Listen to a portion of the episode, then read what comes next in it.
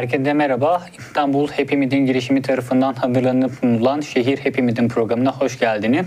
Ben Abdullah Eddik. Bugün konuğum Neden Ünlü Önen ile 19. yüzyılda tarihi sanatla beraber düşüneceğim. E, yüzyıl içerisinde edebiyatın, sanatın, tarihin birbirleri arasındaki sınırların nasıl e, berraklaştığı e, ve dönem ruhunun e, tarihi eserlerden edebiyata doğru nasıl bir akış içerisinde hareket ettiği üzerine konuşacağım. E, konuğum Neden Ünlü Önen e, Harvard Üniversitesi'nde tamamladığı doktora tezinde özellikle bu konuları üzerine durmasıyla dikkat çekiyor. Sedan son olarak da hali hazırda İsrail'de Tel Aviv Üniversitesi'nde öğretim üyesi olarak çalışmalarına devam ediyor. Hoş geldin Sedan. Hoş bulduk. Ee, ben ilk olarak senin biraz doktora tezinden e, bahsederek konuya giriş yapmak istiyorum. Çünkü e, senin 19th e, Century British Encounters with the Art Object doktora tezinde aslında 19. yüzyıl içerisinde tarihin, sanatın ve edebiyatın birbirlerine nasıl yakınlaştığını ve bu konunun edebi ürünlere nasıl yansıdığı üzerinde duruyorsun. Bu aslında oldukça güzel bir konu. Bir yandan da senin de belirttiğim bir nokta var. E, bu aynı zamanda kaçak bir sanat tarihi e, tez olarak da yorumlanabilir. E, öncelikle sen e, bu tez kapsamında e, hem dönem ruhuna dair hem de 19. yüzyılına dair neler söylersin? Şimdi hani böyle aslında kültürel hayatımızın pek çok yerini organize eden temel bir fikir var. Yani o da şudur. Sanat eserleri üretildikleri dönemi e, yansıtırlar. Belirli bir dönemin eseridir. İşte hani atıyorum Leonardo da Vinci'yi hani Rönesans'la beraber anlarız. O ikisi birbirisi için geçişli birer anlama yöntemidir. Yani Rönesans'ı anlamak için Leonardo da Vinci'ye bakarsın. yani Rönesans dediğim o tarihsel dönemi Leonardo da Vinci'yi anlamak için de Rönesans'a bakarsın. bu fikir hani mesela müzelere gittiğimizde müzelerdeki objelerin ne şekilde organize edildiğini belirler. Ondan sonra üniversitede ders açtığımız zaman o dersin aldığı formu belirler. Yani dersler genelde işte Elizabeth tiyatrosu, ondan sonra Servet İfün'ün döneminde Türk, yani Servet İfün'ün edebiyatı falan gibi hani bir tarihsel dönemle o dönemin kültürel üretimiyle ele alınır. Şimdi bu kadar e, hani artık neredeyse harcı alem olmuş, üzerinde düşünülmesine gerek olmayan e, neredeyse otomatikleşmiş bir fikir aslında her zaman böyle değildi ve bu fikrin bu şekilde e, hem kültür sanat tüketimini hem de akademik üretimi organize etmesi temel olarak 19. yüzyılda e, bugün anladığımız biçimiyle ortaya çıkan bir şey. Benim e, araştırmam da diyeyim artık buna. Ee, hani bir açıdan mesela Foucault'un hani yazar nedir, ne yaparı e, anlaması gibi hani tarihsel dönem nedir ve ne yapar? E, sanat tarihsel dönem hakkında ne söyler? Tarihsel dönem sanat hakkında ne söyler? sorununu e, merkezine alan bir araştırma. E, şimdi hani, sizin sorunuza dönecek olursam 19. yüzyıl hani neden 19. yüzyıl? Hani insanlar bunun öncesinde tarih çalışmıyorlar mıydı? Sanata bakmıyorlar mıydı? Tabii ki tarihte çalışıyorlardı, sanata da bakıyorlardı. Ama e, yani orada bir sürü farklı hani etmenin bir araya gelmesiyle gerçekten öncekilere benzemeyen yeni bir durumun ortaya çıktığını söyleyebiliriz. Bu konuda hani tarihçilerin en sevdiği açıklamalardan bir tanesi Fransız devrimidir. Yani hani Fransız devrimi kitlelerin tarihi anlamasıyla ilgili bir kırılma yarattı diye bir fikir var. Ki bence yani doğru bir fikir. Ee, bunun hani edebiyat ve sanat alanındaki uzantıları da birkaç farklı alandan görebiliyoruz. Mesela şimdi bir yandan şey meselesi var. İşte hani Fransız devrimi oldu, kraliyet e, ortadan kaldırıldı. Ve kraliyetten gelen bir kültürel miras var. Yani işte tablolar var, e, saraylar var. Ve bunları ne yapacağız? Hani çok radikal kimseler o zaman da hepsini yakalım köküne kibrit suyu dediler ama sonunda biraz böyle bir ara formül olarak hani bu Fransız ulusunun kültürel mirasıdır. Biz bunu hani müze yapacağız ve orada ulusal bir kimliğin inşası için kullanacağız gibi bir fikir ortaya çıktı. Ee, Şimdi Fransa'da durum böyle. Mesela İngiltere gibi yerlerde de tabii ki en büyük korku Allah'ım benzer bir devrim bizim ülkemizde de yaşanır mı? Bizim kelleler gider mi korkusu. Şimdi burada da yine bu e, siyasi gündeme cevabı biraz kültürel evrenden de üretmek gerekiyor. İşte hani Fransızlar şöyledir ama İngilizler böyledir falan diye e, kitaplar falan yazıyor ama esas olarak da hani işte İngiltere'nin kültürü şudur. Bizim kültürümüzde böyle vahşi, çirkin eylemler yoktur. Bizim fıtratımız e, arayol bulmak üzerine kuruludur falan gibi e, o ideolojik iş biraz da Hani işte İngiltere'de zamanında böyle insanlar yaşamıştı. İşte İngiltere'de Shakespeare vardı. Shakespeare e, bizim kültürel mirasımızı falan gibi e, bir dikkat doğuruyor. Yani böyle bir e, az önce de dediğim gibi siyasi hatta belki ekonomik çatışma alanlarına hani kültür evreninden bir cevap olarak da doğuyor. Hani tarih budur, tarihsel miras şudur, hani sanat eseri budur falan diye. Ee, bu da hani bu az önce bu konuşmaya açtığım fikre dönecek olursak şeyi gerektiriyor. Yani bizim hani Shakespeare'imiz var, canımız Shakespeare'imiz demeye başladığın zaman hani Shakespeare nasıl bir insandı, nasıl bir dünyada üretim yapıyordu, o dünyanın e, bu dünyayla benzerlikleri ve farklılıkları neler? Yani e, Shakespeare'i hani spesifik olarak İngiliz yapan ve Fransız gibi yapmayan şey nedir falan derken böyle bir e, tarih ilgisi. Yani bunun başka unsurları da ve kat hani buna bu sürece katkı sunan başka şeyler de var ama ortaya çıkıyor. Bir de bu anlatıda bence hani belki mevcut hani tarihsel izahlarda anlatıldığından biraz daha fazla vurgulanması gereken bir başka şey de tabii ki bu 19. yüzyılın yani sadece İngiltere'nin değil ama başta İngiltere'nin e, hani sömürü imparatorluğunun zirvesi olması. E, durmak bilmeyen bir e, hani saha genişlemesi var. İşte daha çok yere kontrol, daha çok yere e, ekonomik olarak denetim altında tutma isteği var.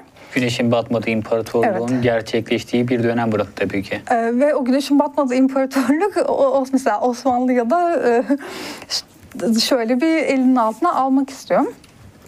Orada da işte hani mesela e, bu antikitenin tekrar hani keşfi işte biz e, Yunan ve Roma imparatorlukların kültürel mirasçısıyız. Biz onların mirasçısıysak bizim bu arazileri kontrol etmemiz lazım. Biz buraları kontrol edemiyorsak hiç olmazsa Partenon'dan mermerleri söküp götürmemiz lazım falan gibi e, bir ideolojik program da var. Öyle olunca da yani e,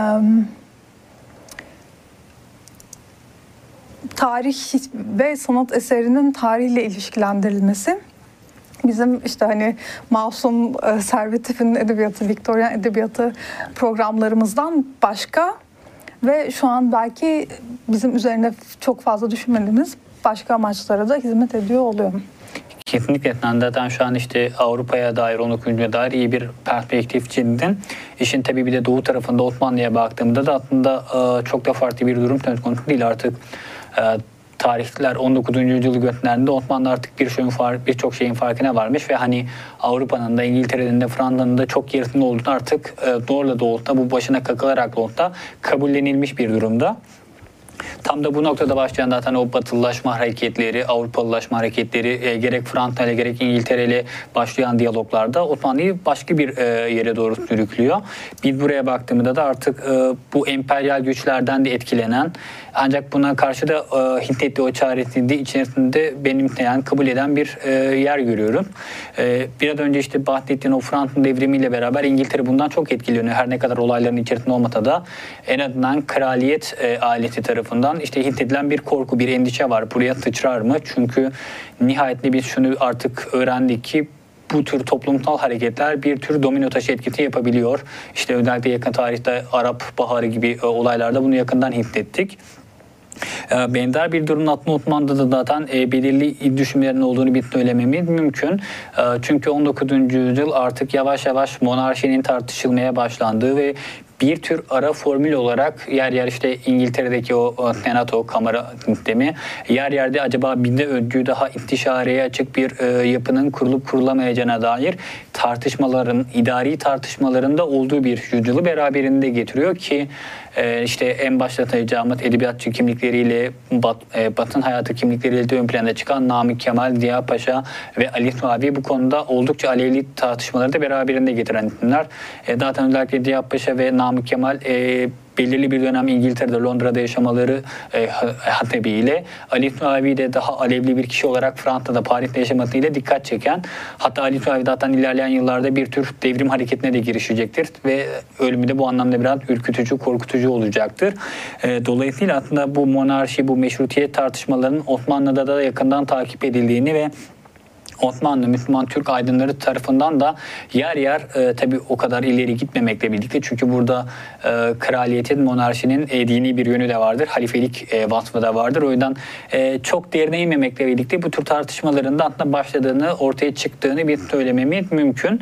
E, bir de benim özellikle dikkatimi çeken noktalardan birisi de aslında az önce de bahsettiğin Leonardo da Vinci Rönesans'tır. Rönesans Leonardo da Vinci'dir. Hani onlar birbirlerine yansımış, birbirlerini birlikte var etmiş e, meselelerdir. 19. Ee, yüzyıl Türk Edebiyatı'nın işte Osmanlı Edebiyatı'nın düşündüğümde de benzer bir durum aslında burada da var. Özellikle de e, edebiyat tarihi bağlamında Hipoliten diye e, çok meşhur, çok büyük bir isim var ki bunun Türk Edebiyat tarihi yadımlarının özellikle ilk döneminde ne kadar etkili olduğunu biliyorum. E, Tanpınar'a gelene kadar ki edebiyat tarihleri genellikle işte eser, yazar, dönem üçlemesi arasında gidip gelir. işte bir yazarı veya bir eseri kaleme alındığı dönemden bağımsız bir şekilde düşünemeyiz e, düşüncesi çok kuvvetli bu dönem içerisinde. Ki işte e, Abdülhalim Memduh Efendi'nin e, kaleme aldığı edebiyat tarihinde bu e, düşüncenin ağır iyi düşünmeleri var. Tam da bu noktada işte artık buradan da yavaş yavaş edebiyata sanata kayan bir e, görüş, bir düşünce var. Çünkü artık tarih e, tarih ve sanat eseri, tarih ve edebiyat birbirlerinden farklı düşünülemeyecek bir boyuta varıyor. E, tam da burada zaten senin e, hem tedine hem de bu konuşmanın odak noktasında olan tarihi sanatla beraber düşünme noktasına geliyoruz. Bu anlamda hem işte senin İngiltere ve Fransa'ya dair 19. yüzyıla dair çizdiğin perspektif hem de benim biraz katkı sunmaya çalıştığım Türk Edebiyatı'na dair perspektif dikkat çekiyor. Peki burada biraz şeyden de bahsetmek istiyorum. Ee, gene bu geçişkenliği göstermesi bakımından Osman Hamdi Bey TED'inde özellikle üzerinde durduğun ve e, Türkiye hem resim sanatı bağlamında hem de işte müzecilik, arkeoloji çalışmaları bağlamında çok önemli bir isim. E, onun da e, sanırım yer yer işte İngilizlerin ve Avrupalıların hoşuna gitmeyecek icraatleri de var. İşte burada arkeoloji müzesi kurmak gibi.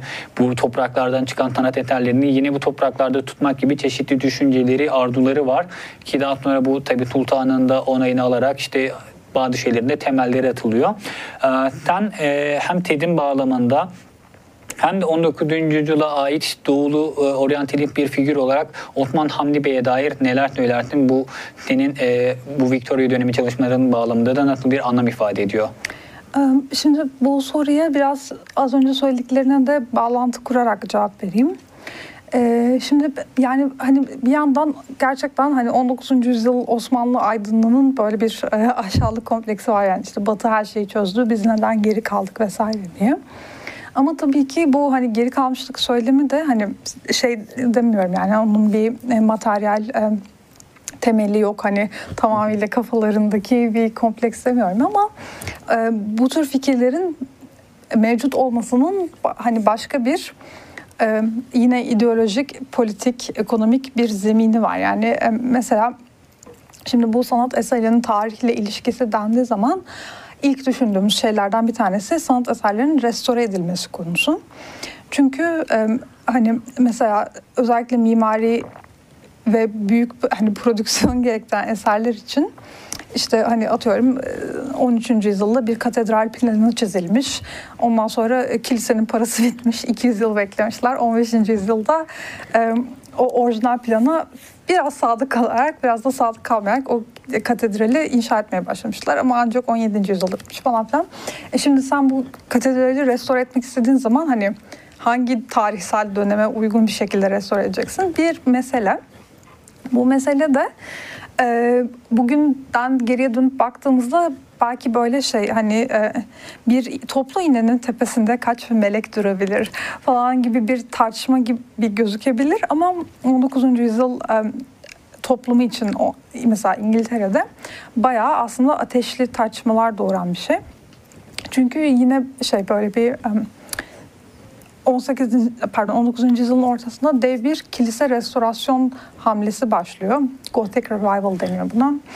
Ve bunlar böyle işte her şeyi yani orijinal yapıya ait olmayan her şeyi şöyle güzelce ayıklayalım ve o temiz, pür, pak forma ulaşalım gibi bir arzu içerisindeler. Ama bugün yine 19. yüzyılın önemli hani sanat teorisyenleri diyelim Ruskin ve William Morrison fikirleri biraz daha kabul gören fikirler ve bunlar da e, diyorlar ki yani e, hani bu binaya 18. yüzyılda yapılan bir ekleme de bu binanın tarihsel dokusunun bir parçasıdır. Lütfen kafanıza göre onu bunu çıkarıp bunu orijinal tasarıma döndürmeye çalışmayın. Yani e, bir binayı muhafaza etmek, bu binanın e, yapısal bütünlüğüne saygı duymak bu demek değil diyorlar. Şimdi bunu neden anlattım? Ee, yani hani mesela 19. yüzyıl İngiltere işte tarih sanat falan dediğimiz zaman orada hani böyle bir teleolojik anlatı var. Yani işte Gothic Revival'cılar bu konuyu tam anlamadılar ama Ruskin ve Morris geldi düşmanı yendi diye bir şey. Ee, ama yani işte mesela Osmanlı'da hani efkaf sistemi var. Ee, binalar e, yerel halkın istek ve ihtiyaçları doğrultusunda e, hani aşağıdan yukarıya tamir ediliyor. E, çoğu binanın da hani yapısal bütünlüğüyle çok oynanmıyor. Yani hani Ruskin ile Morris'in yapalım dediği şey iyi. Osmanlılar yaptığı zaman bunun adı Osmanlı hani bu binaya değer vermiyor. İşte antik Yunan'a merak duymuyor falan filan. Yani e, demeye çalıştığım şey hani bu geri kalmışlık anlatısının böyle bir e, hani çift taraflı yanı da var. Ama e, şey kesinlikle doğru yani hani işte e, yani hatta bunun hani böyle bir e, şey ilmi adı da var oksidantalizm diye. Nasıl evet. ki yani oryantalizm Batı'nın tahayyülünde hayali bir e, doğuysa Doğu. Doğu'nun tahayyülünde de işte bu bütün meseleleri çözmüş harika bir Batı, batı var. var. Ee, e, ve hani bu fikirlerin Batı'dan Osmanlı'ya gelmesinin şöyle ikinci bir katmanı da var haliyle. E, bunu da genelde şey Usama Makdisi çalışıyor. İşte Osmanlı oryantalizmi diye. Orada da bir merkez periferi ayrımıyla işte biz merkezde İstanbul'daki beyaz Türkler çok batılı Avrupa'yı ve ileri ve medeniyiz. Ama bu işte uzak illerdeki e, Araplar ah o Araplar falan diye bir e, yani hani ithal edilen şeylerin içinde bu tür bir şarkiyatçı bakış da var. Şimdi Osman Hamdi'ye gelecek olursak Osman Hamdi'ni e, bir yandan yani bu arkeolojik mirasın anlaşılması biçim anlaşılması konusunu gerçekten hani böyle bir batılı ilim insanı gibi anlıyor ve o da esasında bu mirasın bu topraklardan ayrılmamasının işte arkeoloji müzesine yerleştirilmesinin bu konuyla ilgili hani yasal düzenlemelerin temelinde yatan şey öte yandan hani şimdi nasıl az önce böyle bir tarih e, çeşitli e, hani ideolojik işleri yapıyorsan iş, eseri de bunlardan e, nasibini alıyor dediysek mesela bu yine benim kendi araştırmam değil de ben de şovun araştırmasını anlatıyorum. E, şimdi mesela arkeoloji müzesinin ilk organizasyonuna baktığımız zaman eserler hep şey olarak kataloglanmış yani işte bu e, işte Apollon'un başı işte Musul'dan geldi. Bu işte Dayana'nın kolu e, Side'den geldi filan diye şeyler. Yani e, orada müze böyle bir tarihsel anlatı içerisinde değil, coğrafi anlatı etrafında kurulmuş. Yani bu imparatorluğun şu köşesinden geldi, bu imparatorluğun bu köşesinden geldi diye. Ve e, şimdi bunu da şundan anlattım. Az önce dediğiniz gibi şimdi e, bu tartışmalar hani Osmanlı'nın monarşiyle ilişkisi işte hani tanzimat şu bu falan filan gibi meselelerine paralel olarak yani e, hani müzeyi bu şekilde organize etmeyi ben de şu şöyle okuyorum. Bu yani hani işte Tanzimat Aydın'ın belki hani genç Türklerin vesaire birbiriyle eşit konumlandırılmış hani imparatorluk tebaasını tahayyül etmesine de olanak tanıyan bir şey yani hani imparatorluk bir sürü farklı coğrafyanın bir sürü farklı kimliğin bir araya gelmesi demek.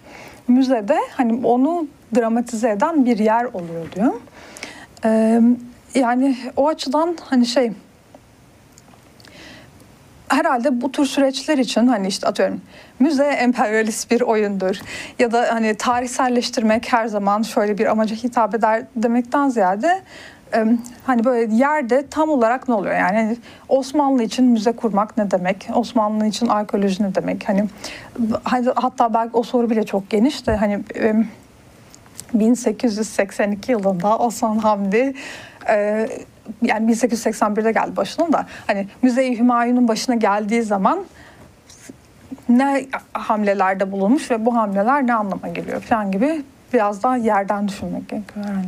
Tabii çünkü onun hem devraldığı bir miras var hem de o bu mirasını nasıl bir şeye dönüştürüyor, nasıl kullanmayı tercih ediyor. Bu zaten hani hem onun müzecilik anlayışıyla örtüşen bir şey hem de e, Osmanlı aydınları içerisinde de Osman Hamdi'nin özel bir yeri var. Çünkü kendine hem bildiği yabancı diller hem işte Avrupa ziyaretleri İngiltere, Oxford'dan işte Fahri Doktor almış. Önemli bir isim mesela bakıldığında. E, evet e, Osman Hamdi Bey'in ürettiği farklı bir oryantalizm var. Özellikle resimlerinde bunları görmek mümkün. Ancak buna paralel bir şekilde Osman Hamdi Bey'in iyi bir Batı edebiyatından, e, Batı e, eğitiminden geçtiği ve Batı'yı gerçekten orada görerek tanıdığını e, söylememiz mümkün. Bu anlamda Osman Hamdi Bey e, o eğitimle büyümüş, o eğitimi almış, o müzdecilik geleneğini özümseyebilmiş bir e, şahsiyet. Bu anlamda zaten e, farklı yönleriyle de ön plana çıkıyor. Ya o ilgili bir anekdot anlatacaktım. Şey e, kendim konuşurken anlatmayı unuttum. Şimdi tekrar aklıma geldi anlatayım. E, böyle Cumhuriyet'in ilk yıllarında yazılmış müzecilik tarihlerinde Osman Hamdi ile ilgili anlatılan şöyle bir şey var. Bence bayağı e, yani şey hani bu Batı eğitimini almış, Batı formasyonunu özümsemiş ve belki de bu nedenle yani neredeyse Osmanlı bürokrasisinin içinde yalnız kalmış Osman Hamdi e, fikrinde hani destekleyen bir şey. Şimdi Zal Osman Hamdicik e, bu arkeoloji müzesini canlı başla e, koruyup hani ihya etmeye çalışırken Abdülhamit böyle bir egzotik kuş koleksiyonunu elde ediyor? Böyle bir durum oluyor ve Onları da işte madem sen müze kuruyorsun al bunları da müzeye koy diye şey Osman Hamdi'nin başına vela ediyor. Osman Hamdi de e, yani hani böyle şey dünyanın yani en hani inanılmaz zor bir kazıyla imparatorluğun bir ucundan hani yüzlerce kişiyi çalıştırarak çıkarıp trenlerle güç bela şey İstanbul'a transfer ettiği 3-4 bin yıllık sanat eserlerini kuşlara üstüne pisletmek istemediği için kuşları gizlice e, boğdurup saray burnundan denize attırıyor. Ve sonra kuşlar öldü efendim işte hani müzeye koyamayacağız falan diye bir şey yapıyor. Yani e, şimdi bu konunun temel anlatısı şu tabii ki yani işte hani orada batılı bir e, formasyondan geçmiş seçkin, aydın Osman Hamdi ve etrafındaki tam olayı anlamamış insanlar. Ee, ve bu anlatı da yanlış bir anlatı değil ama herhalde şey ben kendi araştırmamın bundan sonraki e, yönleri için biraz da şunlarla ilgileniyorum. Yani e, hani müze budur ve Osmanlılar da müzeyi anlamadı demeyelim de Osmanlılar müzeden ne anlıyorlardı ki al bu kuşları da o eserlerin tepesine koy diye düşünebiliyorlardı diye e, bakmayı istiyorum yani. Buna ben de bir anekdot ekleyebilirim belki. O da şeyle gene 2. Abdülhamit işte zaten 19. yüzyıl deyince herhalde akla gelen en başat Osmanlı figürlerinden birisidir. Yani 2. Abdülhamit işte bu dönemde gerek Osman Hamdi Bey'in gerek e, Avrupa'dan gelen arkeologların e, bütün bir Orta Doğu coğrafyasında işte Filistin'de, Mısır'da, e, Anadolu'da e, çeşitli aramaları var ve bulduğu eserler var. Ee, tabii bu dönem e, 2. Abdülhamit'in de bir tür denge politikası güttü ve Avrupa devletleriyle aralarını sıklıkla iyi tutmaya çalıştığı bir dönem. Ee, bu tür içerisinde de tabii e, karşılıklı hediyeleşmeler var. İşte oradan imparatordan gelen bir hediye var. Ona karşılığında bir şey vermek gerekir vesaire. Um, İkinci Abdülhamit'in e, mesela Avrupa'da çeşitli krallara, işte kraliçelere hediye ettiği çeşitli tarihi eserler var. İşte gerek Topkapı Sarayı'ndan gerek işte bu tür çalışmalarda kadınlarda bulunan çeşitli eserleri. Aa bak bu senin kültürüne aitmiş bunu sana hediye ediyorum dedik. Özellikle mesela e, sanırım Avrupa Avusturya Macaristan Kralı'na e, hediye ettiği çok değerli yazmalar, e, Macarca metinler var. Mesela bunların hepsi Topkapı Sarayı'ndan işte 2. Abdülhamid'in özel izniyle, özel isteğiyle Macar, Macar kralına hediye edilmiş e, metinler, ürünler mesela. Yani bu tür e, gene de mesela herhalde bu Avrupalılara çok anlam veremediği bir durumdur. İşte bir müddedeki tarih eseri hediye etmek. Gerçi bu tabii bugün için e, başka tartışmaları da beraberinde getiriyor. İşte bu aslında nereye ait bugün için gibi e, hangi kültüre ait, hangi müzeye ait tartışmaları özellikle British Museum konusunda bunu e, tartışmaya mümkün. Bu anlamda önemli. İkinci Abdülhamit'in e, sanattan, tarihten, arkeolojiden ne anladığını bir de anlatan e, bir şey bana kalırsa. İkinciden söylemek dediğim bir diğer şey de aslında bu restorasyon çalışmalarıyla alakalı. Dediğin şey çok e, doğru ve çok anlamlı. Çünkü yakın zamanda işte Notre Dame yangınından sonra tekrar aslında bu tartışmalara bir anlamda geri dönüldü. Çünkü evet şimdi e, Notre Dame e, yeniden restore edilecek ama hangi Notre Dame restore edilecek? İşte yangından önceki son hali mi? Yoksa mesela bunu bir tür fırsat bulup işte 19. yüzyıldaki orijinal planlar mı? Veya aslında ilk planlanan Notre Dame'ı mı tekrar yapmalıyız? Hangisini geri getirmeliyiz? Ee, burada mesela çeşitli spekülatif görüşler de vardı. İşte Macron'un bilerek yaktırdığını çünkü aslında hani Normalde inşaatı tekrar işte 18. yüzyılda çeviremeyeceğim ama işte bu yangını bahane ederek işte tekrar e, orijinal binayı yapabileceği şeklinde bayağı spekülatif tartışmalar da vardı. Tabii buradan bir şey çıkmadı ama e, bu beraberinde bu tür aslında önemli soruları da beraberinde getiriyor. İşte hangi restorasyon, hangi Notre? Yani bu önemli bir konu gerçekten. E, bu tür e, ne diyelim e, güncel olaylarda bir de bu tekrar tarihi konulara tekrar dönme şansı veriyor. Bu anlamda da bence tartışmaya değer önemli bir konu. Bu Notre Dame'la ilgili olarak mesela e, ben bu Macron komplo teorisini hiç duymamıştım. Bence orada çok ilginç olan bir başka nokta da şu. Yani e, mesela tarihin bu noktasında insanlar neden Macron'un e, Notre Dame'ı 18. yüzyıldaki planına döndürmek istediğini düşünüyor olabilirler. Yani hani Macron'la ilişkilendirilmiş nasıl bir tarih vizyonu var ki Macron'un böyle bir gizli ajandası var ve Notre Dame'ı yaktırarak onu 18. yüzyıla döndürmeye çalışıyor. Bu tabii ki hani şeylerden bağımsız değil yani hani şu an hani yine çok harcayacağım bir şey söyleyeceğim ama Avrupa'da yükselen işte sağ, işte hani böyle içine kapanış, yabancı düşmanlığı vesaire vesaire.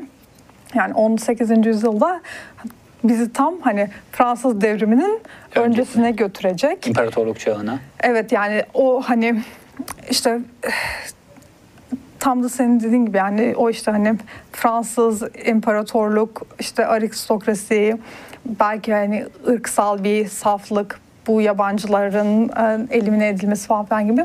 Yani o açıdan her zaman hani insanlar tarihten ne anlıyor, sanat eserinin tarihle ilişkisinden ne anlıyordan dönemin e, ruhuna dair ilginç bir şey duyuyoruz yani. Tabii ben bunu söylerken de yine hani bir kültürel üretim alanını bir tarihsel periyoda bağlamış oluyorum ama ondan da kaçmak biraz zor herhalde. Tabii yani zaten benzer durum Türkiye'de de işte Rusya'da da yani bu nokta daha sadece Avrupa'da değil hatta şu an Amerika'da dahil bütün bir dünyada tekrar yüklenişte işte, işte Türkiye'de de bazı işte ne bileyim mesela Harbiye'de yukarıda e, turların içerisinde bir anda 16. yüzyıldaki işte bir cami burada cami vardı diyerek işte sahnenin ortasına cami yapılabiliyor mesela. Çünkü burada bu vardı denilerek mesela bu bir tür işte siyasi malzeme, politik malzemeye de dönüşebilecek nereden yaklaştığına dair önemli bir konu. Bu da işte tarihle sanat arasındaki sınırları daha da ne diyelim ortadan kaldıran ve işte tarihin de aslında ne kadar nihayetli bir şeye dönüştürülüp nasıl kullanılabileceğine dair de önemli bir malzeme bana kalırsa. Buradan biraz da aslında edebiyata geçebilirim. Ee, anlatan bir diğer olarak. Çünkü e, edebiyata yansıyan e, tarih de e, edebiyatın kullanılma biçimi de bu anlamda oldukça çarpıcı. Metin e, Hardy Metin tedinde de önderlik üzerinde durduğu önder bir isim. Ben belki işte buna Türk Edebiyatı bağlamında daha sonra çeşitli katkılar da yapabilirim ancak 19. yüzyıla dair tarih ve tarihi sahneler mesela edebiyata nasıl yansımış, orada nasıl bir kentine karşılık bulmuştur? Ee, şimdi 19. yüzyılın önemli yani şey e, edebiyat olayı hani tarih bağlamında düşündüğüm zaman tarihi roman diye bir e, formun ortaya çıkması. Zaten hani şey bu hani Fransız devrimi işte insanların tarihe bakışını değiştirdi falan filan. Bunlar biraz hani yani sadece o değil de Lukács'tan da gelen şeyler. Lukács'ın bunları söylemesinin nedeni de e, hani bu tarihi roman dediğimiz şeyin niye tam Fransız devrim ertesinde ortaya çıktığını izah etmekle ilgili bir şey. Şimdi yani burada genel kültürel bir akım vardı ve edebiyat da ona mı eklemlendi yoksa edebiyat burada hani direksiyonu eline alan belki dümeni ele alın demek daha doğru olur. E, şey miydi hani bunun tartışması sürüyor ama temel olarak şunu diyebiliriz. İngiltere'de Walter Scott tarihi roman diye bir formun e, kurucu ismi olarak görülmeye başlıyor ve sadece e, yani Birincisi romanı saygıdeğer ve entelektüel bir e, kültür sahası haline getiriyor. İkincisi de yani e, tarihi temsil etmek ne demek? Bir şeyin tarihsel gerçekliğe saygı duyması ne demek? Bununla ilgili fikirlerimiz aslında büyük ölçüde Walter Scott'ın tarihsel romanla yaptığı şeyden ortaya e, çıkıyor. Yani Şimdi böyle söyleyince biraz soyut kaldı ama şöyle bir şey düşünelim. Mesela tarihi film diye bir şey var. Ve bu tarihi filmde atıyorum işte 8. Henry'yi görüyoruz. İşte hani kostümlere falan bakıyoruz. Aa çok güzel tarihi çok iyi anlatmışlar falan diyoruz. 8. Henry orada bir hani şişe kola içiyor olsa hepimiz işte aman tanrım inanılmaz bir hata diye e, bu yapımı eleştiririz. Çünkü bizim hani tarihi e, gerçekçi bir şekilde anlatmaktan anladığımız şeyin içerisinde e, tarihsel objeleri doğru kutulara yerleştirmek diye bir şey var. Ama hiçbirimiz yahu 8. Henry zamanında kamera diye bir şey var mıydı? Bunun hani filmi nasıl çekiliyor olabilir demiyoruz. Çünkü tarihi anlatmakla ilgili fikirlerimize e, dahil olan şey hani temsilin teknolojisi ya da formu değil yani içerik ve o içerikte de kimi şeyler yani mesela e, 8. Henry'nin etrafında muhtemelen çok güzel fönlü kızlar var. E, yani o zaman fön var mıydı arkadaşlar da demiyoruz. Ama hani kola içse bozuluyoruz falan gibi yani tarih tam olarak nerede ve tarihi yansıtmak için neyle oynayabilirsin, neye sadık kalman lazım. Bunun e, parametrelerini belirleyen şeylerden bir tanesi dediğim gibi Walter Scott ve tarihi roman. E, ve yani bugün artık bize bu şey edip edebi ve sanatsal türlere çok fazla maruz kaldığımız için yani kimse bize hani Henry 8. Henry'i anlatan bir filmde kola olamaz ama fönlü kadın olabilir diye öğretmese de neredeyse hani içgüdüsel olarak bildiğimiz şeyler esasında 19. yüzyılda epey tartışılan şeyler. Yani işte hani tarihi romandaki karakterler eskisi gibi konuştular. Bu doğru mu? Ondan sonra ortografik olarak konuştukları onların konuştuğu şekilde yazıldı. Spelling yani şey yani o harf konvansiyonları. Bu doğru mu? İşte ama o zaman roman yoktu. Peki buna ne demeli falan diye bunlar çok tartışılıyor o dönemde. Bence mesela çok ilginç ve güzel bir örnek. 19. yüzyılın sonunda böyle bir fotoğraf topluluğunda şöyle bir tartışma doğuyor. Yani daha doğrusu şöyle bir şey oluyor. Şimdi 19. yüzyılın ortasında birçok fotoğrafçı edebi karakterleri hani fotoğraflayarak kendilerine kariyerler inşa ediyorlar. Yani işte şey hani işte iki genç ele tutuşuyor. Altına Romeo ve Juliet yazıyorsun ve bu Romeo ve Juliet fotoğrafı olarak dolaşıma giriyor falan. Ve e, yani fotoğraf toplulukları içerisinde çok ateşli bir tartışma doğuyor. Bu tartışmanın zeminlerinden bir tanesi de şu. Yani e, şimdi Romeo ve Juliet fotoğrafı diye bir şey olamaz. Çünkü Romeo ve Juliet diye insan yok. Ama yani e, hadi Ana Karenina fotoğrafı neyse de Romeo ve Juliet fotoğrafı hiç olmaz. Çünkü e, Ana Karenina'nın yazıldığı dönemde fotoğraf teknolojisi var. Ama e, Romeo ve Juliet'in yazıldığı dönemde yok. Yani hani illa birinin fotoğrafını çekecekseniz Ana Karenina'nın fotoğraf yani Ana Karenina fotoğrafını çekin diye bir öfke doğuyor. Yani e, şimdi biraz konuyu uzattım ama dediğim gibi daha sonra hani pek çok tarihi, ekonomik, siyasi alana yayılan hani tarih nedir, nasıl anlatılır falan filanla ilgili şeylerin çok canlı olarak tartışıldığı e, ve üzerine düşünüldüğü bir alan edebiyat. Bir de e, az önce söylediğim bir şeye daha bağlayarak lafı toparlayayım. O da şu. E, şimdi az önce şey dedim yani böyle tarih şudur, tarihselleştirme bunu yapar falan gibi. Yani yukarıdan ve soyut bir şekilde konuşmamak lazım. Daha zemine inip hani bu zamanda şu bağlamda şu insan böyle yapmış. Buna cevaben başka bir kültürde böyle bir e, uygulama doğmuş demek lazım. E, yani o zemindeki hareketleri görmek için aslında edebiyat çok güzel bir yer. Çünkü edebiyat e, yani böyle bir soyut kuramlar ya da anlık hani görüntüler değil de insanlar, sosyal adetler, alışkanlıklar, davranışların falan zaman içerisinde birbiriyle nasıl bir ağ olarak etkileştiğini gördüğümüz bir yer. Yani özellikle roman gibi şeyleri düşündüğümüz zaman. Yani hani insanlar sanatı nasıl kullanıyordu, nasıl anlıyordu diyor. Bazı başka alanlardan daha iyi anlatan da bir yer diye düşünüyorum. Kesinlikle bunu belki biraz da şeyle de düşünmek gerekir. Ee, bu çağın türü zaten romandır. Roman artık burada zirve yapmış artık edebi akımlardan e, birçok işte e, yazar gruplaşmalarına dair de kadar birçok hani alana yayılmış hani beraberinde birçok birçok taraftarı getirmiştir. E zaten neredeyse hayata dair bütün tartışmalar zaten bu süreç içerisinde özellikle roman türlerinden tartışmaya açılmıştır. Birçok yazar işte kafasındaki fikir neyse onu yarattığı karakterlerle, yarattığı sahneler, atmosferlerle zaten romana taşır. Bu anlamda romanın ve dolayısıyla da edebiyatın hem bu siyasi tartışmalarda hem bu tarih tartışmalarında hani bir tür sahne, bir tür arena olarak kullanıldığını bir söyleyebiliriz mesela. Ee, peki tam, tam da bu noktadan devam etmek istediğim için soruyorum. Ee, mesela bu devrin öne çıkan yazarları Metate'nin hem TED'in kapsamında hem de araştırmalarının kapsamında neler oldu ve bu kitaplarda, bu eserlerde işte sanat eserleri birer gerek obje olarak gerek bir tartışma konusu olarak kendilerine nasıl bir görünüm alanı kazandılar? Yani bence şey çok haklı ve doğru bir tespit. Yani hani roman 19. yüzyılın arenası yani önemli ne oluyorsa romanda oluyor.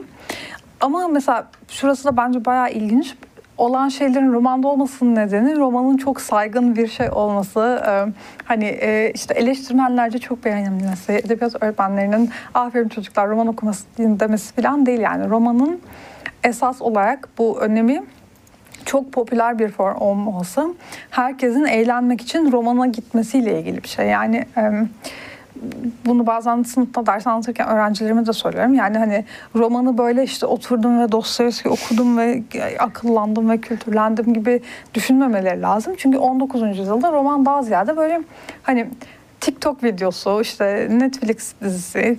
Popüler bir tür. Evet yani ve hani şey aslında romana şey eklemlenmiş bir kültürel prestij yok yani hala en saygın şey şiir, hani entelektüel oturaklılığı olan kişi şair. İşte İngiltere'nin bir um, poet laureate yani hani ulusal şairi var. O hani böyle bir ozan olarak kültürel iklim hakkında yorum yapıyor. Romancı hani işte böyle şey e, hızlı hızlı hani televizyon dizi yetiştiren insan gibi bir şey.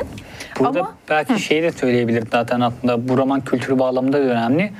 Ya bu romanları zaten çoğu aslında gazetelerde tefrika ediliyor. Evet, evet. Dolayısıyla belki biraz gazeteciliğe de yakın, belki biraz işte maddi karşılığı da var. Mesela şairliğin bu dönem içerisinde maddi bir karşılığı yok. Hani şair şiir yazarak kalem, e, para kazanmıyor. Ancak bir romancı bu gazeteye yazarak aslında para kazanıyor. Belki bununla beraber de düşünülebilir. O da hani bir tür saygınlığa dair bir ipucu, bir anekdot olarak belki değerlendirilebilir kafamında. Yani işte şey gibi e, Netflix yazarı falan diye o yüzden dedim. Yani hani Hı.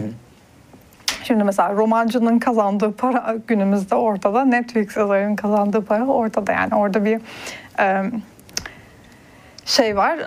Ama hadi tabii ki romancı zaten romanından para kazanmadığı için ben işte 10 sene oturdum, araştırdım, işte e, arşivlere girdim falan diye bir roman yazabilir. Ama dizi yazarının mesela hele de televizyon üretim yapıyorsa her hafta 2 saat tıt tıt tıt üretim yapması lazım. E, şimdi 19. yüzyıl romanına sanat nasıl giriyor? E, ben kendi tezimden yola çıkarak düşündüğüm zaman yani aslında benim tezim çoğunlukla hani bugün edebiyat kanununun merkez taşlarını teşkil eden Thomas Hardy, işte George Eliot, Henry James gibi yazarlar üzerinden işliyor. Ki bu da hani bu tezin atıyorum kitaplaştırması sürecinde tekrar düşünülmesi gereken bir şey. Çünkü yani Henry James'in son dönem romanlarından ticari olarak çok daha başarılı ama şu an hani ismi çok bilinmeyen sansasyon romanı falan diye türler var ve bu türlerde de aslında sanat eseri görüyoruz. Ama ben şey biraz kendi akademik ilgilerime benzer akademik ilgileri olan e, romancıları seçtiğim için e, yani şey örneklemim belli bir istikamete doğru biraz yani fazla ağır basmış olabilir. Şimdi e, bu saydığım isimler içerisinde belki hani şimdi böyle saydığımda da ayrıca dikkatimi çeken bir şey. Bu insanların tamamının e, kültür sahası diyebileceğimiz şeyin tamamıyla ilgili e, üretimi olan, fikir üreten e, ve o, o sahanın tamamıyla ilgili söz söyleme hevesi olan insanlar olması. Yani çünkü e, hani bu konuşmalarda ben bunu açıkça ifade etmedim ama hani dolaylı yoldan anlaşılmıştır diye düşünüyorum. E, benim araştırmamda hani sanat böyle e, tek başına hani görsel sanat gibi değil de yani hele de 19. yüzyılda e, zemindeki insanların da anladığı biçimiyle yani hem edebiyat hem resim hem heykel hem mimari bunların tamamı. Ee, öyle olunca da yani romana bakıyorum ama yine de ilgileri romandan başka alanlara da e, sıçrayan e, insanlara bakıyorum. Şimdi George Eliot özelinde Romola diye bir romana bakıyorum. Bu romanda yani 19. yüzyılda yazılmış ama olaylar 1492'de başlıyor ve yani Rönesans İtalya'sında geçiyor. Yani bir tarihi roman. Ve aslında romanın etrafında şöyle bir hale doğuyor. George Eliot bu kitabı yazmak için o kadar fazla araştırma yapmış ki e, kitap bilgiden yani bilginin ağırlığından çökmüş. İçinde hiç canlı bir şey, bir insan kalmamış. Sadece böyle kuru bir ansiklopedi gibi haline dönmüş diye hem e, kitabın yayınlandığı dönemde e, yaygınlaşmış bir kanı var. Hem de bugün hani bir e, 19. yüzyıl edebiyatı çalışan insanların kitapla ilgili genel olarak düşündüğü şey bu. E, yani benim orada yaptığım şey ise aslında yine bu 19. yüzyılın siyasal kültürü e, iklimi ışığında George Eliot'ın yaptığı tarihsel araştırmanın nasıl yanlış olduğu ve e, işte mesela orada böyle Tito diye bir karakter var. Bir e, yani Floransa'daki Duomo'nun önünden yürüyor ve e, ben bu kiliseye bakmak istemiyorum. Ben zaten böyle çirkin kiliseyi şey e, Konstantinopolis'te çok gördüm falan gibi bir şey diyor. Benim orada gösterdiğim şey de yani hani 15. yüzyılda bir Yunan ya da Rum diyelim ona karakter hani İstanbul'daki bir kilise için böyle konuşmaz. Niye konuşmaz? Ee, işte çünkü o kilise bu kiliseye benzemiyor. İşte o zaman insanlar böyle düşünüyor, şimdi böyle düşünüyor. Ee, ve yani esasında Bizans sınıtı ile ilgili bu negatif fikirler Bizans topraklarının büyük ölçüde Osmanlı topraklarının altında kalmasıyla ilgili bir şey yani şu anda. Hani gidip görmek istemiyorlar. Gidip görmeleri zor. Gördünce de işte Osmanlı, Bat, şey Doğu, e, despotluk falan diye beğenmiyorlar gibi bir şey. Ee, yani oradaki minik bir anın içerisinde e, orada güya 15. yüzyıldan bir karakterin bir sanat eseriyle ilgili bir fikirinden 19. yüzyılın kültürel iklimine dair çok daha geniş bir şeyi böyle açıp çıkarabiliyorsun yani. James Le Hardy de yine böyle işte hani hem romanın bir sanat olarak saygınlaşmasıyla ilgilenen hem de bu az önce biraz bahsettiğimiz işte restorasyon, mimari, görsel sanatlar bunlarla çok aktif olarak ilgilenen insanlar. Şimdi tek tek böyle tezimden bölüm bölüm ilerlemeyeyim ama yani onların romanlarından da e, sanat eseri ve tarih ilişkisiyle ilgili başka yerden bulamayacağımız yeni şeyler öğreniyoruz. Ya aslında çok önemli bir şeyin altını çizdin. Hem işte romanın bir tür olarak 19. yüzyılın türü olmakta hem de e, dönemin şiirle ilişkisi bakımından söylediklerinin çok kıymetli. Ben de buna şuradan bir katkı yapabilirim. 19. yüzyıl Türk Edebiyatı bağlamında da e, sanat ve sanat eserlerinin edebiyatta görünümü oldukça önemli. Buraya iki noktadan yaklaşmak mümkün. E, birincisi zaten 19. yüzyılda işte tandimatla başlayan bir Osmanlı batılılaşma hareketi var ve bu hareket sadece işte e, orduyu yenileyelim, işte kılık kıyafet yenileyelimle sınırlı kalmayan işte dalga dalga işte mühendislikten tıbba, e, edebiyattan e, şairin kimliğine işte sanat eserlerine, müdeciliğe dair hani birçok alana sıçrayarak gelişmiş bir e, konunun altını çiziyor aslında bu durum. Ee, burada aslında Türk Edebiyatı bağlamında da tartışmaya değer oldukça önemli e, konular var. Bu konuda zaten belirli çeşitli makaleler, kitaplar da var. Servet İfün'ün edebiyatı ve bu kuşak aslında artık tamamen Batı'yı özümsemiş, Batı'nın ne olduğunu anlayabilmiş. Çünkü daha önceki süreç aslında Batı ile hep uzaktan kaçak bir e, dövüş şeklinde gelişen bir çizgi var. İşte Namık Kemal'den, e, Paşa'dan, Ali Abi'den ve daha öncesinden bahsettiğimde bunlar Batı ile çok geç yaşlarda tanışmış ve hani orada yaşatılar dahi hani bu etkileşim daha sınırlı kalmıştır. Ancak artık Servet Fünun yazarlarıyla bir görebiliyoruz ki bunlar artık Batı kültürüyle yetişmiş ve orayı ödümtemiş. Erken yaşlarda hani Batı'yı görebilmiş, yerinde tanıyabilmiş kişiler. Ee, bu e, döneme baktığımda da işte bu biraz sonuna da doğru hitap eder. E, Türk Edebiyatı'nda işte bir furya var. Bu furyada işte özellikle tablo altına şiir yazma mesela geleneği var. E, Recaizade Mahmut Ekrem'le başlayan bir gelenek olarak bundan söz etmek mümkün. Kimi zaman bu rastgele bir illüstrasyon olabiliyor. Bir şair o illüstrasyondan yola çıkarak e, bir e, şiir kalem alıyor ve onu tabloyla beraber yayınlıyor. Bu da hem devre dair bir anekdot olması bakımından önemli. Hem de bir isimlere bakıyoruz. İşte Recaidade Mahmut Ekrem var, Ali Ekrem var, e, Cenap Şahabettin var, Tevfik Fikret var. Yani bu isimler devrin büyük şairleri. Belki burada biraz ayrılıyor. Çünkü işte az önce de bahsettiğimiz şiir hem kadimliği bakımından hem de daha sanat sanat e, durması bakımından Osmanlı aydınları içerisinde de ayrıca önemli bir e, konu. Çünkü roman daha çok mesela Osmanlı aydınları tarafından e, özellikle ilk dönemde daha hikemi tarzda görülüyor. Nedir? İşte buradan bir ders vermek gerekir. İşte toplumu eğitmek gerekir. Bu eğitimi de bir romanla yaparız. İşte tatlı hikayeler anlatalım. Mesajları olan hikayeler anlatalım ve bunu hani toplumu geliştirmek için, e, toplumla batıyı buluşturmak için bir aracı olarak kullanalım görüşü hakim. Ancak şiir burada biraz daha e, farklı ve daha sanatsal bir e, yerde kalıyor. E, o tablo altı şiirlerde bunun aslında e, önemli bir temsilcisi. Bu da Batı'dakine e, paralel bir düşünce içerisinde işte sanat ile edebiyatın daha ya daha da doğrusu sanat objekti ile edebiyatın daha da e, iç içe geçtiği ve yakınlaştığı bir nokta olarak e, düşünülebilir. E, bu sayede metinlerde zaten hem Batı edebiyatına yakınlığı hem Batı edebiyatını e, devrinde yakından ta, e, takip etmeleri bakımından da kıymetli isimler. E, burada aslında hem senin de söyleyeceklerin önemli. E, Yahya Kemal'den e, bahsetmem gerekiyor. Yahya Kemal'in de e, resimsizlik ve nefretsizlik isimli çok önemli bir e, makalesi var.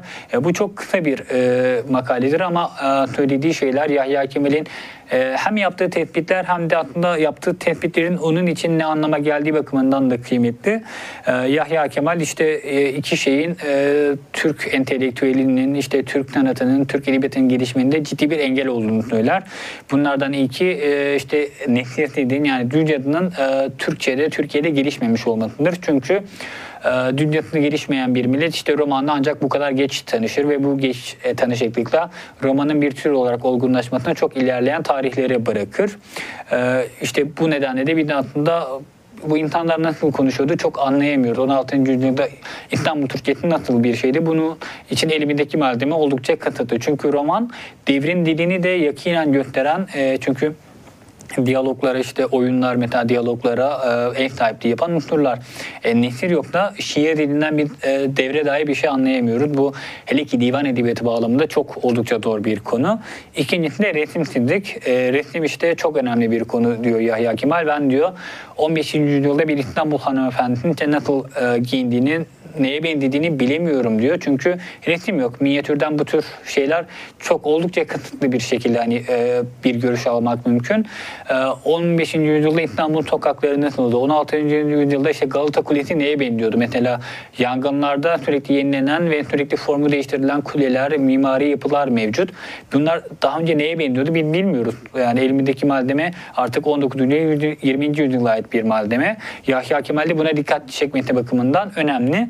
E, burada tam da topu sana atayım. Sen de çünkü e, bu konudaki verdiğin, verdiğin örnekler çok kıymetli. E, bu resimsizlik, resimsizlik sadece Osmanlı'ya ve Türk Edebiyatı'ndan mahsus bir şey mi sence? Batı'da da Avrupa'da da bu tür tartışmalar var mıydı? Şimdi e, o soruna cevap vermek istiyorum ama onun öncesinde söylediklerine ilgili de birkaç bir şey söylemek istiyorum. Şimdi e, bu hani mesela Servet-i Fünuncuların Batı eğitiminden hani tedrisatından güzel geçmiş olmaları ve orayı e, iyi özümseyip hani o batılı formları Türk edebiyatına getirme gayretleri e, yani hani işte zaten hani o konudaki kritik konsensüs o ama yine de hani tekrar bir vurgulamakta fayda var sanırım. İşte mesela bu tablo altı resim pardon şiir dediğin şey aslında hani kökü antik e, Yunan'a falan uzanan ekfrasis denen bir şey yani. Hani, Kadim bir konu. Evet evet yani şey bu mesela hani Avrupa'da ya da daha spesifik olarak İngiltere'de aşağı yukarı 19. yüzyıla kadar eğitim demek yani mesela nasıl ki Osmanlı'da eğitim demek Arapça ve Farsça öğrenmek demek. İşte e, İngiltere'de de eğitim demek Antik Yunanca ve Latince öğrenmek demek. Çocuklara bu Antik Yunanca ve Latince öğretmenin bir aygıtı da onların hani Latince ya da Yunanca olarak bir sanat eserini sözlü olarak anlatmaları falan filan gibi bir şey. Şimdi onun mesela 19. yüzyılda bunun en meşhur örneklerinin bir kısmını şair Keats veriyor. Ve yani mesela soneleri işte şey Grecian Urn yani şey Yunan vazosu var. Ondan sonra um, Homer'i ilk defa okumakla ilgili bir sonesi var. Um, yine bu Partenon'dan götürülen ve 19. yüzyılda adına Elgin mermerleri denen mermerler var. Şimdi yani hani bu sanat eserinin sözlü olarak anlatılması ve edebiyatta kendine yer bulması hani şöyle üstünden azıcık bile kalırsan hemen şey olan bir um, durum yani.